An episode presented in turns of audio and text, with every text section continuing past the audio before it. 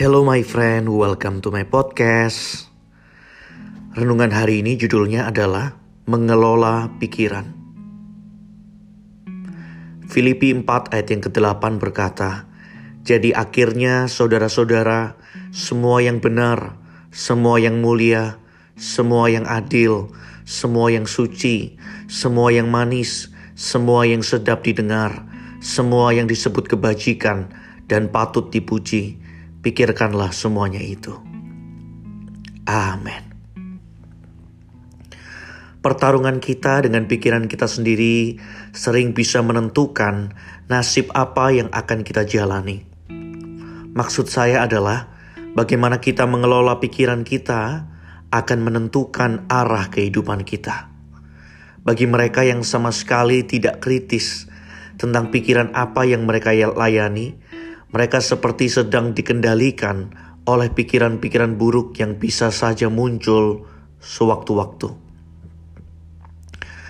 Saya menyadari bahwa pikiran itu cukup kejam. Salah berpikir akan membawa saya ke tempat yang tidak saya inginkan. Oleh karena itu, Filipi 4 ayat yang ke-8 menginspirasi kita untuk mengelola pikiran dengan benar. Membuang semua pikiran negatif bahkan menolaknya sejak awal jika kita merasakan pikiran negatif itu mulai merasuk. Saya sendiri mengalami peperangan pikiran ini. Seringkali pikiran negatif itu masuk dan saya bermain-main dengan pikiran negatif itu. Seakan-akan pikiran itu tidak berbahaya. Padahal pikiran negatif punya dampak yang sangat besar ke dalam suasana jiwa dan keputusan hidup yang saya ambil. My friend, Mari kelola pikiran kita dengan baik.